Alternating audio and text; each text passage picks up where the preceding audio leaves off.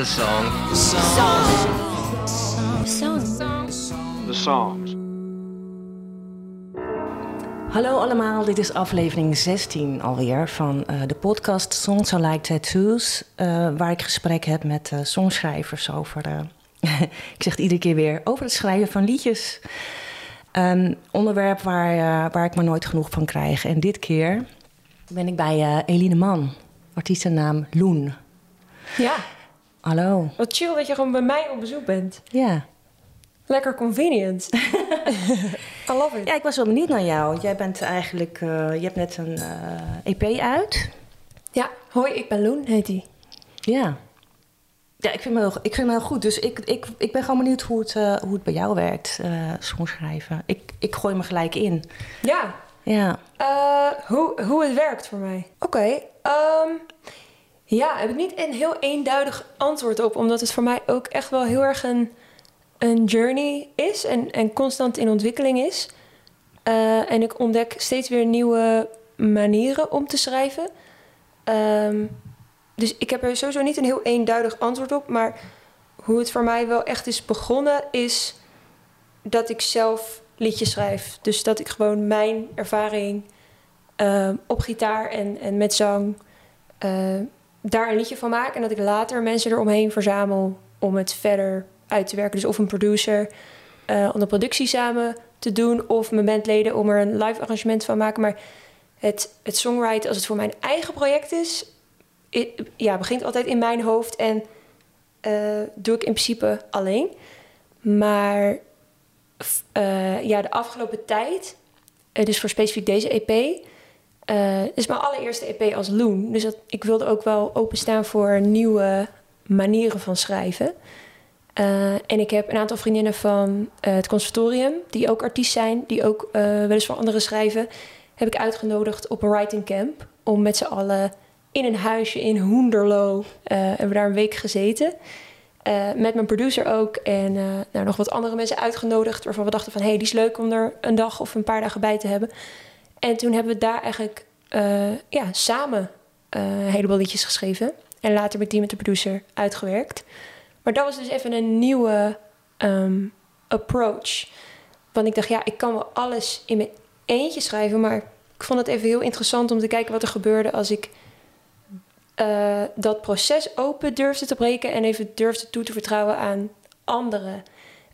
Om te kijken wat er dan gebeurt met de onderwerpen. Want ik vind het wel leuk om zelf een onderwerp te verzinnen, maar ja, misschien heeft iemand anders weer juist een heel tof perspectief daarop, waardoor het liedje weer beter wordt of zo. Dus dat writing camp van vorig jaar was eigenlijk een beetje een experiment. En ja, ik vond het een heel geslaagd experiment. En eh, een groot deel van wat daar is geschreven is eh, op de EP beland uiteindelijk. Sommige songs zijn echt eh, helemaal co-written qua, qua tekst en qua melodie en qua eh, akkoorden en alles. Bijvoorbeeld Shit Verliefd van de EP, die is echt daar ontstaan. Eh, dus toen heb ik wel ehm, ja, gezegd van het lijkt me leuk om hierover te schrijven. Of we waren gewoon met z'n allen in gesprek. Want we zaten daar een week met elkaar. Dus je bes- bespreekt een hele hoop. En eh, mijn relatie was ook net uit. Nou, dat is altijd natuurlijk inspiratie, goud. Dus toen mijn relatie uitging, dacht ik wel van... oh, nou, top. We hebben een writing camp gepland. Dit, hier komen vast weer mooie dingen uit. Ehm, dus ja, we zaten gewoon te praten over, over mijn datingleven. En toen ging dat heel organisch eigenlijk van... oh, nou, hier gaan we over schrijven. Ehm, en dat heb ik eigenlijk ja, bijna volledig met eh Misha Wong... eh, dus een van de songwriters die mee was... de tekst gewoon samen gemaakt. Dus dan zegt de een wat en dan zegt de ander iets. En dan ging dat gewoon zo heel organisch eigenlijk. Ja. En dat werkte dus. Dat werkte supergoed, maar ik denk dat het ook alleen heel goed werkte omdat eh Misha en Sofia, dus de, de songwriters die mee waren, wij kennen elkaar al heel lang. En we hebben samen muziek gestudeerd, we hebben samen in veel bandjes gezeten. Dus eh, zij snappen waar ik over wil zingen, weet je wel. Zij kennen de mensen waar het over gaat. Zij snappen mij, ze, ze kennen mij al heel erg lang. Dus op een gegeven moment spreek je die taal samen. Dus ja, die mensen vertrouwde ik het wel toe, die woorden. Maar ik ben in principe als, als lyricist ben ik super kritisch. Dus ik zou niet zomaar iedereen mij woorden in de mond willen leggen, zeg maar. Snap je? Want ik ben de persoon die dat live moet gaan spelen. Dus ik wil alleen zingen wat ik echt voel en wat ik echt meen. Ehm, dus ik denk niet dat, dat zomaar iedereen had kunnen komen. Maar ik denk dat zij het vooral heel goed, heel erg de juiste personen waren of zo. Ja, ik neem aan dat je ook een gevoel van veiligheid moet hebben. Hè, als je met mensen schrijft. Bedoel, je laat wel iets van jezelf zien op dat moment. Ja. ehm, Zo niet alles even. Klopt, alleen, I don't know. Ik, ik ben altijd. Ik voel me niet zo heel kwetsbaar in mijn artistry of zo. Ik voel het juist een beetje meer als een strength. Ik voel me ook altijd heel erg op mijn gemak op het podium. Terwijl je zou denken van, oeh, dat is, dat is een kwetsbaar, Mhm. Kwetsbare plek om te zijn. Want je moet dat doen en je moet het zingen en zo. Maar nee, ook in het creëren. Als de vibe goed is, natuurlijk, dat is wel belangrijk. Dat je gewoon een fijne sfeer hebt met z'n allen in de kamer. Dan vind ik dat niet eng of zo. Ik ben vaak gewoon juist heel enthousiast. Ja, we gaan iets maken. En eh, je weet ook nooit helemaal van tevoren wat het wordt. Of totaal niet eigenlijk. Ik had je nooit kunnen vertellen wat we daar hebben geschreven... dat dat het zou worden of zo, weet je wel. En juist als je dat ook een beetje los durft te laten... van nou, wat het ook wordt, weet je wel. We gaan er gewoon voor. Dan, dan ontstaan er wel leuke dingen of zo. Ik denk als je misschien te veel wil sturen... dat je dan eh, leuke creatieve invalshoeken misloopt of zo. Hey, en ehm, kwam de muziek samen met de tekst? Tijdens dat schrijverskamp? Ehm, Oeh, ja, dat is ook weer heel erg songafhankelijk. Bijvoorbeeld bij eh Roos in Turkije. ehm, daar had ik meteen, toen het uitging met mijn relatie... had ik al een klein stukje tekst geschreven. En ik wist al van, ik wil iets schrijven met Roos in Turkije. Ik wil iets met die, met die scenery, met dat, met dat beeld wil ik iets doen. Eh, dus ik nam dat mee naar de writing camp. En ik zei van, hey, ik heb dit kleine stukje tekst. Ik wil dat deze song Roos in Turkije heet. Verder heb ik nog niks. Dus ik had nog geen melodie, ik had nog geen ehm, ideeën voor, voor de muziek. Helemaal niks. En dat heb ik gewoon even neergelegd bij een producer, Misha Dirksen. En bij Misha Wong, de songwriter. Dus Misha en Misha zaten even samen in de kamer daarmee. En dan heb ik ze gewoon even gelaten. En ben ik naar een andere kamer gegaan. Want daar was ook weer, werd ook weer een liedje geschreven. Dus heb ik me even daar aangesloten. Toen kwam ik later terug. En toen hadden Misha en Misha eh, een opzetje gemaakt ehm, voor de muziek en een ideetje voor wat melodieën.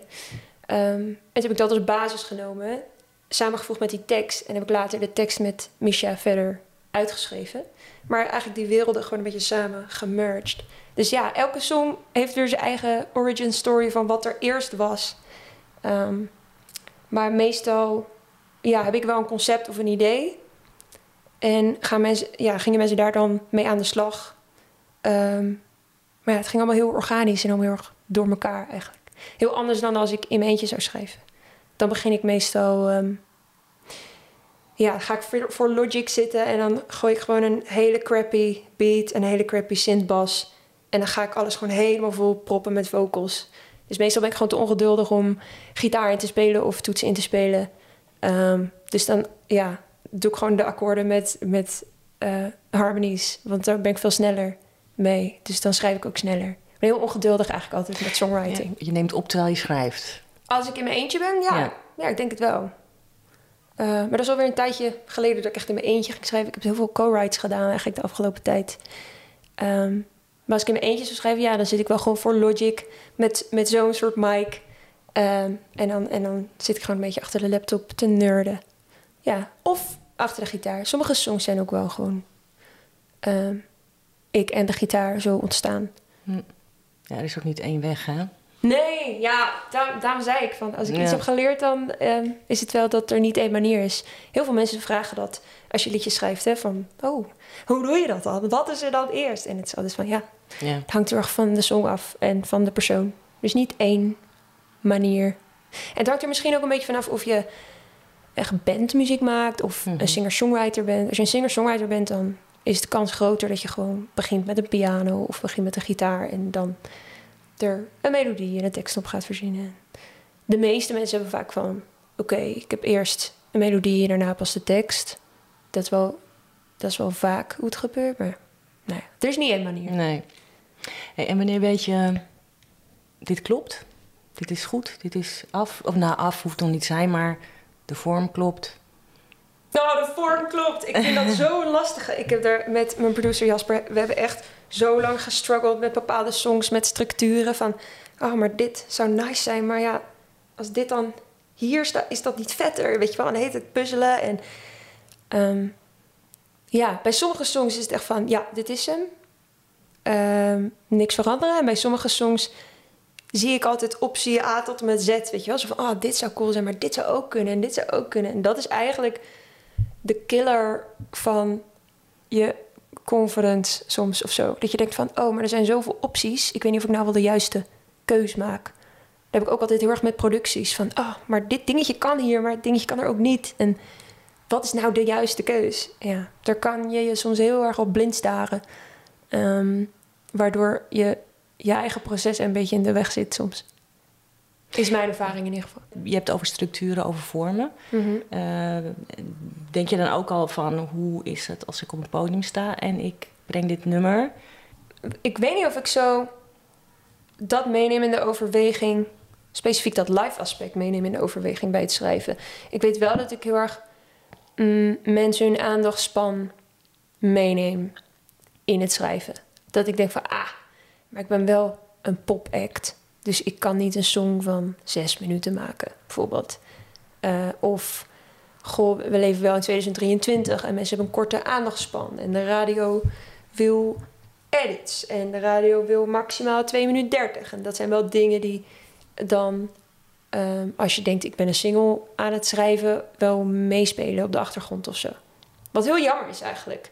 Ja. Soms vind ik het heel jammer dat ik, ehm, dat ik in deze era muziek maak. Weet je wel, en de hele tijd op TikTok moet zitten en denken aan korte content en snelle behoeftebevrediging. En we moeten nu naar de chorus. En eigenlijk is dat heel jammer. Soms vraag ik me echt af, als Michael Jackson nu nog leefde, van zou hij dan, zou hij dan nu ook TikTok content gaan maken? Zeg maar, ja, I don't know. Dat is gewoon heel misplaatst. Hij bepaalde wel de popcultuur, want hij was de king of pop. Dus hij kon wel meer maken. Het is natuurlijk een verschil als jij een onderdeel bent van een industrie en daarin wil passen, dan als jij de industrie bent. Jij bepaalt het, weet je wel. Dat is, dat is, dan zit je in een hele andere positie, denk ik, of zo. Ehm, een van mijn favoriete bands, eh, Tool, die ehm, hebben hele specifieke ideeën over hoe hun muziek eh, wordt perceived. En ze hebben hele lange songs, staan ze onbekend. Dus echt prog, rocky, Ja. eh, ingewikkelde shit. En ehm, ik weet niet meer welke song het van hem was, maar er was een radiostation die zei van ja, kunnen jullie even een radio-edit maken van deze? Want het is te lang. En toen zei ze van ja, nee, dat doen we niet. We doen geen radio-edits. Dit is de song, er is over nagedacht, er is een gedachte achter. Je moet hem waarderen in zijn geheel. Eh, zij gingen zelfs nog verder. Ze zeiden eigenlijk van ja, we willen eigenlijk dat je het hele album gewoon in zijn geheel waardeert. En dat je niet gaat skippen door de songs heen. Gewoon jij als luisteraar. Ehm, en daarom hebben ze heel lang eh, nooit hun songs op streamingplatforms gegooid. Terwijl je eigenlijk daar natuurlijk veel meer geld mee kan verdienen. Ehm, maar ze hebben er heel lang voor gekozen om dat gewoon nooit te doen. Zo van, koop het album, ga ervoor zitten, concentreer je. Ga van lied 1 naar 12 en ga niet eh, de best of tool opzetten of Spotify of zo. Weet je wat? Zo, zo hadden zij heel sterk van, zo is het niet bedoeld. Ehm, en Ja. als je zo succesvol bent, dan kan je dat natuurlijk zeggen. Van, dit is hoe jij mijn muziek gaat ervaren. Ehm, maar als je een wat kleinere indie-artiest bent, dan ja, moet je toch wat vaker nadenken van... oh, wat doet de rest? Of hoe kan ik zoveel mogelijk mensen bereiken? En dan ja, zit je toch in een lastig pakket van... dat je een beetje moet meebewegen met wat de norm is. Ehm, Ja, zo ervaar ik dat een beetje. ja snap ik. Ja. Maar eh, Tool is nu wel op streamingplatforms. Dat vind ik dan wel weer grappig. Eh, dus ze waren heel principieel. Maar op een gegeven moment dachten ze van... ja, maar we lopen eigenlijk wel heel veel geld mis. en onze fans willen het eigenlijk ook best wel graag. Dus toen hun allerlaatste album... eh, toen zijn, rond die periode zijn ze wel eh, alles eh, op streamingplatforms gaan zetten. En de fans zijn er toen ook massaal gaan luisteren. Dus nu alsnog heeft het heel veel streams. ja. En dan denk ik, ah, dat is toch wel weer fijn. En de fans luisteren natuurlijk ook de albums helemaal af. Als Ja. van De fans hebben ook de albums gekocht. De fans gaan ook naar de shows. Ja, Dus alsnog hebben ze een mooie middenweg bereikt of zo. ja. Eind goed, al goed. Hey, maar je vertelde dat jij ging schrijven op het moment dat jouw relatie uitging of uit was. En je dacht, joepie, ik heb uh, inspiratie. Is dat niet een, juist een moment dat je ja, heel erg in het, in de drama-sfeer zit? En dat het allemaal, dat je nog niet genoeg afstand hebt? Uh, nee, de, de drama-periode is juist de, de periode om te oogsten bij mij. Want de, mijn muziek is gewoon best wel een beetje, een beetje dramatisch en uh, emotioneel. En ik probeerde wel vaak een grappige draai aan te geven hier en daar. Of een soort um, relatable draai. Of ik um, vergroot dingen wat uit voor een, een komisch randje. Uh, maar eigenlijk is mijn muziek gewoon mijn emotie die ik kwijt moet. Een soort therapie. Dus een break-up is eigenlijk een perfect moment om het van me af te schrijven, zeg maar. Ja. Dus nee, het is niet dat ik die periode even moet uitzitten en dan daarna pas mhm. kan schrijven, want het is echt een beetje ijzersmeden als het heet is. Okay. Uh, kind of situation. Ja.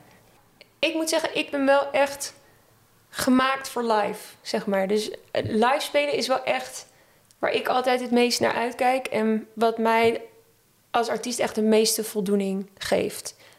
Um, dus op een bepaalde manier is, is dat eindpunt, dat laatste hoofdstuk, pas echt bereikt als ik het live voor mensen heb gespeeld of zo. Ehm, dus dat is wel echt iets wat ik, waar ik naar uitkijk vanaf het moment dat het is geschreven. Van, oeh, wacht maar tot ik het aan mensen kan laten horen, weet je wel. Ehm, en ja, als mensen dan daarna naar me toe komen en zeggen... yo, die song was echt super vet. Ehm, ja, dat, dat is wel waar ik het voor doe. En dat mensen intunen met de emotie. Terwijl ze niet, misschien niet hetzelfde hebben meegemaakt of niet eens weten waar het over gaat, maar toch zoiets hebben van wow, uh, ik kan hiermee connecten of zo. Dat is wel. Zo'n universele gevoel. Ja, dat is wel een beetje het, uh, het universele, achterliggende, de drijfveer die ik heb, zeg maar. Ja. Ik vind dat zo mooi aan het ritueel van live muziek. We gaan met z'n allen iets ervaren en we hebben een heel bewuste keuze gemaakt om samen in die ruimte te zijn. En we hoeven elkaar niet te kennen, we hoeven elkaar nooit te spreken. Maar we hebben samen iets heel moois meegemaakt, weet je wel? En dat is gewoon, het is al een eeuwenoude, duizenden jaren oude traditie. En ik zie daar gewoon heel erg de meerwaarde van. Als muziekliefhebber en ook als artiest, zeg maar. Heel erg beide kanten, zeg maar. Ik ga ook heel veel naar live shows. En vanaf de andere kant vind ik het even geweldig, weet je wel. Ehm, maar ik vind het als artiest heel leuk om dus vanaf meerdere kanten mee te maken. Ja. Zo'n live experience. Het is voor mij toch altijd magisch. Ik heb één ballad, die kwam niet op de EP. En die speel ik alleen live. En dat vind ik dan een leuk iets om als toegevoegde waarde te hebben voor de live ervaring. Van oké, ja, als je die wil horen, kan alleen hier of zo, weet je wel. Heb je wel geprobeerd om hem op te nemen? Ja, en um, ik had hier een paar dagen geleden nog over met mijn moeder. Want ik had hem opgenomen en ik had zeven songs naar mijn familie gestuurd. Van hey, ehm, ik moet zes songs op de EP en ik heb er nu zeven en er moet er eentje weg. Uh, kunnen jullie ja, ja. De, het allemaal luisteren en vertellen wat je vindt? Weet je wel, welke denk je dat weg moet? En toen zeiden ze eigenlijk unaniem over die ballad, Kans Verkeken heet die. Uh, van ja, wij denken dat die toch het minst sterk is. En ik zei, oh oké, waarom denk je dat? En zei ze van ja, I don't know, het is een beetje anders dan de rest. En hij valt er een beetje buiten en is misschien een beetje zeurderig. En ja, hij, hij klikt even net niet. En toen heb ik daarna geluisterd, heb ik hem niet op de EP gedaan. En alleen maar live gespeeld. En uh, eh, 8 oktober was mijn release show. En ik dacht, het is wel heel lekker om even een rustmoment in de set te hebben. Um, want er is zoveel bombarie en zoveel harde songs. En het lekker om dan heel even stripped down. Gewoon één song, alleen ik en gitaar. Gewoon de band even weg. En toen heb ik die song dus live gedaan. En toen zei mijn familie van... Wow, die, die was zo goed. En ik zei, maar dat was diezelfde song. Waarvan jullie zeiden dat die opname niet goed was. En zeiden ze, ja, ik weet niet, maar we hadden gewoon tranen in onze ogen. Toen dacht ik, oh, oké. Nou, dan is dit een song die misschien alleen live zijn powers heeft. Ja. Ehm, dus ja, ik vind het wel leuk om dat soort kleine Easter eggs. Zo zullen er nog wel meer komen. Gewoon dingetjes die alleen voor ons in de ruimte op dat moment zijn. Weet je wel? Gewoon een soort exclusief iets voor je had erbij moeten zijn. Ja. Want live is gewoon echt een, een andere artvorm dan een opname maken. Er komt gewoon een hele andere skillset bij kijken. En ik denk dat je ook artistiek hele andere keuzes kan en mag Mhm. maken voor een opname dan voor live. Doen is dan bijvoorbeeld iets eh, wat me bezighoudt. Ik vind het zelf niet zo vet als artiesten live veel hun stem manipuleren. Als het een artistieke keuze is, vind ik het nog anders dan als je eigenlijk gewoon vocaal een beetje tekort schiet. En je ehm, denkt van nou, dan moet ik het even, even autotune erbij doen. Ja, ben ik persoonlijk niet zo'n fan van. Ik vind het gewoon fijn om mensen iets heel goed te kunnen zien doen op een Mhm. podium. Ehm, en daar kom ik voor, weet je wel. Daar koop ik een kaartje voor. Maar in een opname, ja, vind ik het toch net een ander soort ding. Je bent een creatie aan het maken, maar het hoeft allemaal niet op dat moment. Je kan gewoon een heel, het kan een heel lange termijn project zijn om een, om een hele goede opname te maken. En je kan daar best ehm, mee knutselen als het het eindproduct beter maakt. Tenminste, zo ja, Mhm. sta ik erin. Het is gewoon een heel andere tak van sport, live versus opname. Het vraagt allemaal een hele andere approach of zo, Ja. denk ik. Hey, en eh, opnemen. Ehm, je had net over eh, vocalen. Eh, jouw stem. Neem jij je stem zelf op? Ik doe echt alles eh, qua opnemen samen met mijn producer. Dus ehm de demootjes of schrijven doe ik wel in mijn eentje. Maar Mhm. dan breng ik het het liefst zo snel mogelijk naar mijn producer. En dan gaan we het samen allemaal opnieuw opnemen. Want ik heb waarschijnlijk hele crappy sounds uit Logic gebruikt. En mijn producer heeft gewoon veel meer sounds. Dus dan gebruiken we dat meer als uitgangspunt. En dan gaan we op zoek naar vettere sounds. En nemen we de vocals, als ze definitief zijn, allemaal opnieuw op. Want hij heeft een veel nicere microfoon.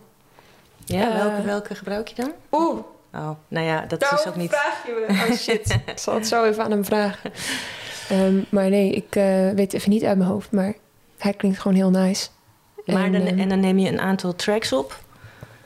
Ja, we doen echt superveel takes van elk ding. En dan eh, gaan we kompen Ja, samen. En- samen. Daar ben je ook bij. Bedoel ja, tuurlijk. Ja, Ja, zeker. Ja, ik heb wel echt een, eh, een heel specifiek idee over hoe ik bepaalde dingen wil overbrengen. Ja. En ehm, ja, gelukkig heeft hij ook wel echt een eigen mening. Dat is heel fijn, want ja, anders kan ik het net zo goed in mijn eentje doen. Ehm, en eh, ja, samen doen we altijd het kompen. Want hij kan iets horen wat ik niet hoor, of ik kan iets horen wat hij niet hoort. Dus samen, ja, vind ik het toch het fijnst. En je vertrouwt op zijn eh, mening. Ja, 100 procent. Ja. Ja, tuurlijk. Ja. Mhm, maar ja, ehm, die eh producer waarmee ik heb gewerkt, Jasper Ras... dat is ook iemand, die heb ik ook niet zomaar van de straat geplukt. Dat is ook wel echt een, een vriend van mij. En we werken ook echt al jaren samen. Ehm, dus het is ook iemand die ik heel erg vertrouw. Die ik dat heel erg toevertrouw, dat proces. Want ja, waar we het over hadden...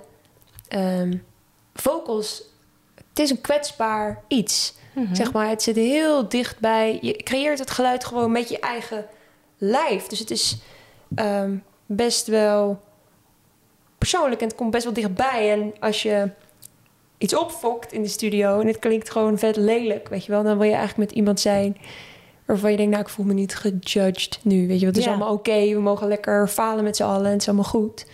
Ehm, dat is ook heel erg de filosofie die ik heb als ik zangles geef. Ik probeer heel erg een veilige space te creëren, zodat iemand zich ook vrij voelt om geluid te maken. Want dat is een grotere hurdle als je zingt, denk ik, dan als je piano speelt. En gewoon, oh, oeps, een verkeerde noot ingedrukt. Nou, boeien. Maar als jij zelf een geluid creëert waar je niet blij mee bent, dan, dan, ja, dan is dat veel dichterbij en veel emotioneler misschien ook of zo.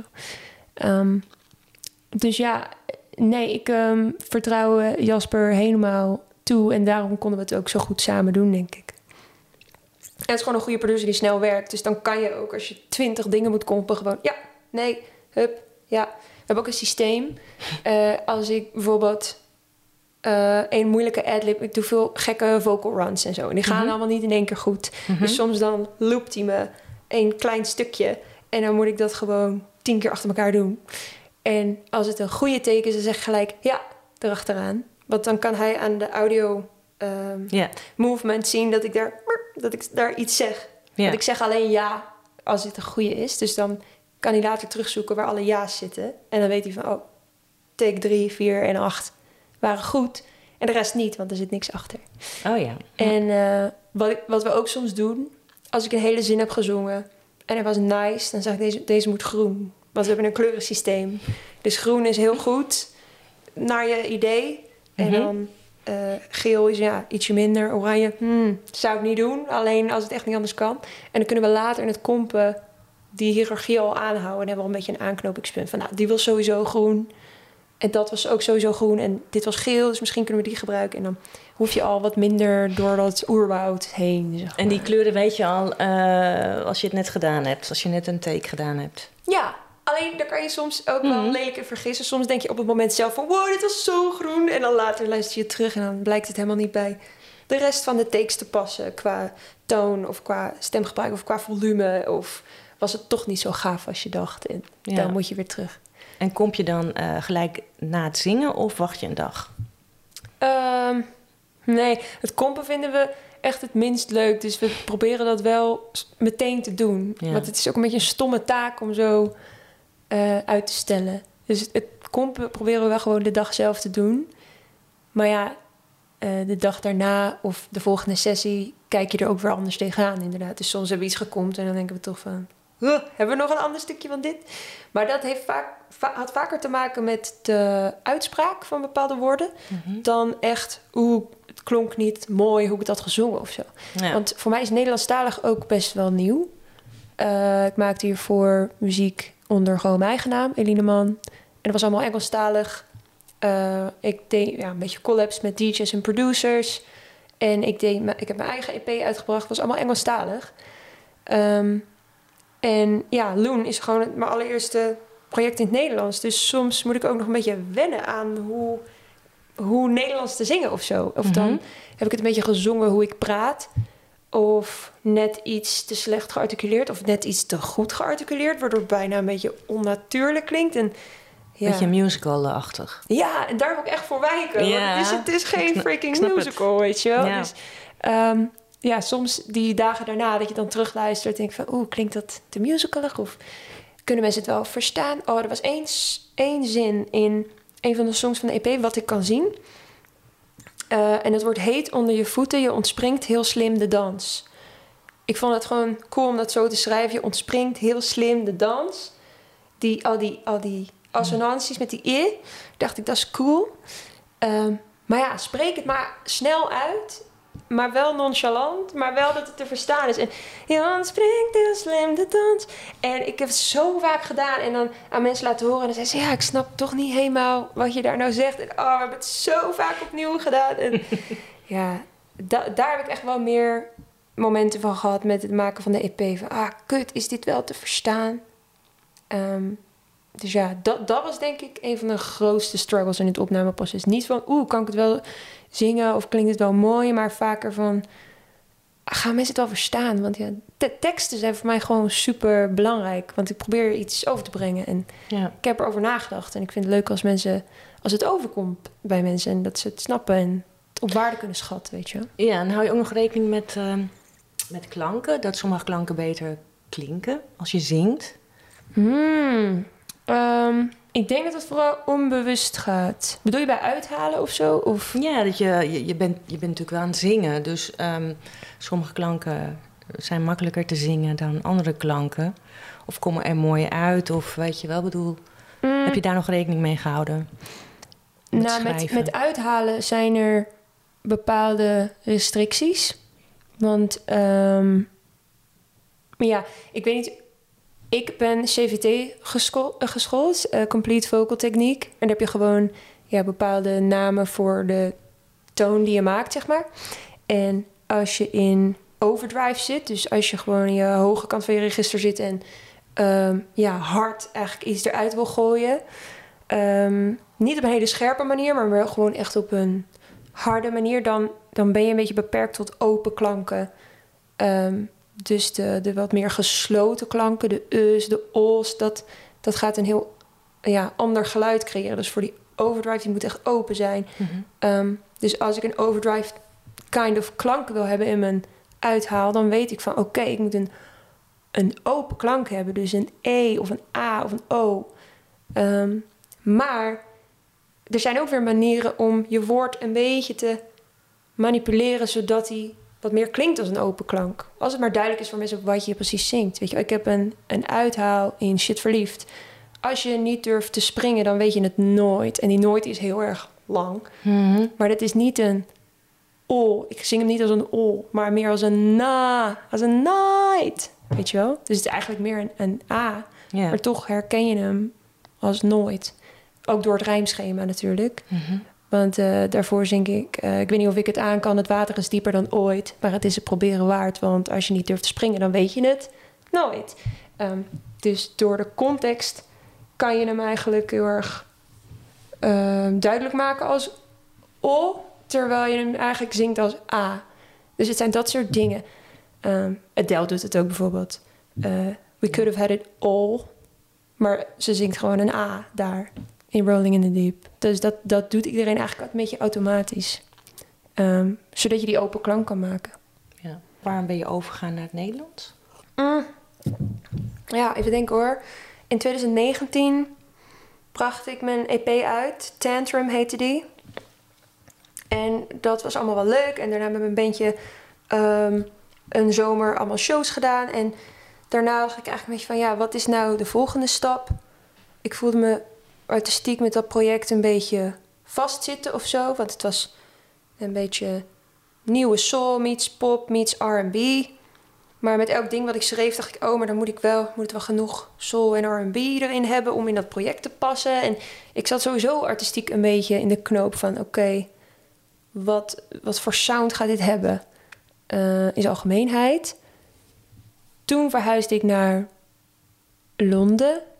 En toen besefte ik van... hey, ehm, ja, toen ben ik Nederland heel erg gaan missen. En in die periode ging ik allemaal Nederlandstalige eh, muziek luisteren. Toen kwam Bitterzoet uit van Evie de Visser. Nou, geweldig album. Ik heb het echt helemaal dood geluisterd. Terwijl ik normaal niet zo heel veel naar Nederlandstalige muziek luisterde. Maar toen ik, juist toen ik in Londen zat, toen ging ik Hmm. heel veel Nederlandstalig luisteren. En de opposites en de jeugd van tegenwoordig. En ehm, ja, toen besefte ik ineens van... oh, maar Nederlandstalige muziek is veel diverser dan last time I checked. Weet je wel? Een soort van...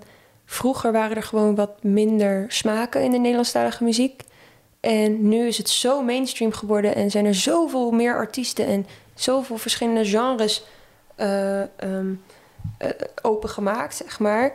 Ehm, waardoor Nederlandstalige muziek gewoon veel breder is en veel genuanceerder. En ik had daardoor meer zoiets van... oeh, er is ook een, een plekje voor mijn sound of zo in de Nederlandstalige. En ehm, ja, toen ik voor het eerst een beetje ging schrijven in het Nederlands... toen voelde ik me ineens zo vrij... Ja. Ehm, omdat ik gewoon... Ja, het ligt veel dichter bij je. Omdat je natuurlijk dagelijks heel veel Nederlands praat. En bepaalde nuances erin kwijt kan. En ehm, ja, met sommige clichés misschien ook niet wegkomt. Waardoor je jezelf moet dwingen om origineler te zijn. Of het op een andere manier uit te drukken. Eh, en het was gewoon alsof er echt een heel nieuwe wereld open ging voor mij. Van wow, hier ben ik helemaal nog nooit geweest als songwriter. Dit is interesting, weet je wel. Dit is cool. Ehm, dus ja, toen was een beetje het hek van de dam. En toen dacht ik, wow, dit is wat ik wil gaan uitdiepen de komende tijd. Alleen nog een beetje op zoek naar de muzikale sound. Ehm, ja, dus zo is die switch eigenlijk een beetje ontstaan. ja. Alsof je op een ander instrument liedjes gaat ja, schrijven. maar for sure. Maar Ja. Gewoon alsof je als gitarist ineens denkt, wow, pak de, eh, de, de Toetsen zo. toetsen erbij. En dat je door dat het nieuw is, allemaal even helemaal mesmerized bent van, wow, Ja, wat gaaf. Ja, Ja. dat had ik een beetje met Nederlandstalig. ja. Leuk, ja. Hey, en ehm, ehm, ik ben altijd heel blij als er iets nieuws is geschreven. Omdat ik dan denk, oh, ik wacht, kan niet wachten om het uit te brengen. En dan kan ik niet wachten om het live Ja. te doen, zeg maar. Dat is voor mij gewoon de cycle. Ehm, en het eindstation of zo. oké. Ja. Hey, Eline, dankjewel voor dit gesprek. Ja, graag gedaan. Superleuk. Leuk je eh, gesproken te hebben hierover. En echt, eh, je hebt een hele mooie EP gemaakt. Ik wens je alle Dank je. succes toe. En eh, ik ga naar je shows kijken. Awesome. Kom kijken, zeker. Nice, je bent van harte welkom. Leuk. Hey, succes en eh dankjewel. The song. The songs.